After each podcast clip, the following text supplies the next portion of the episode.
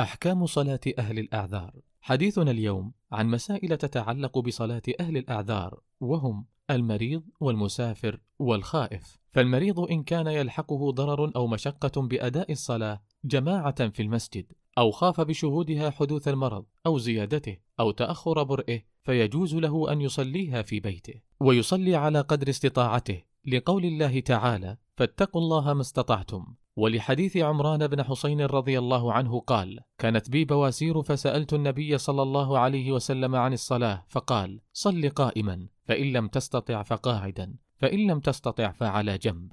رواه البخاري. وإن كان يستطيع أن يصلي قائما لكنه لا يستطيع أن يكمل القيام إلى الركوع فعليه أن يصلي قائما بقدر استطاعته فإذا تعب جلس. وهكذا الذي يستطيع السجود ولا يستطيع الركوع. فيجب عليه أن يأتي بالسجود على الصفة المشروعة وأما الركوع فيركع جالسا أو بقدر استطاعته. للحديث السابق ولقوله صلى الله عليه وسلم وما أمرتكم به فأتوا منه ما استطعتم متفق عليه.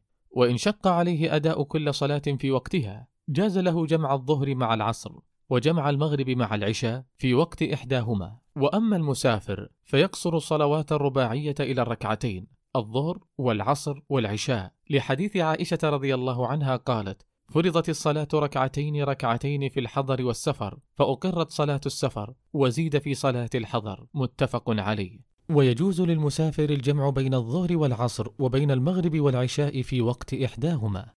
فعن سعيد بن جبير عن ابن عباس رضي الله عنه أن رسول الله صلى الله عليه وسلم جمع بين الصلاة في سفرة سافرها في غزوة تبوك فجمع بين الظهر والعصر والمغرب والعشاء. قال سعيد فقلت لابن عباس ما حمله على ذلك؟ قال أراد أن لا يحرج أمته. رواه مسلم.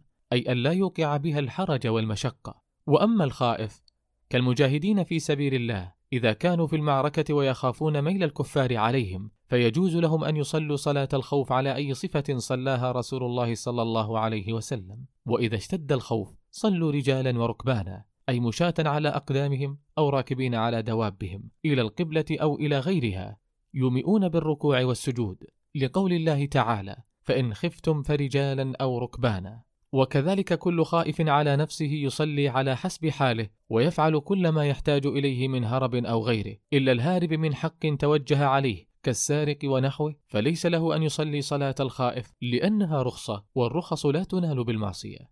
نسأل الله الفقه في الدين. نكتفي بهذا القدر ونتحدث في اللقاء القادم بمشيئة الله عن أحكام صلاة الجمعة.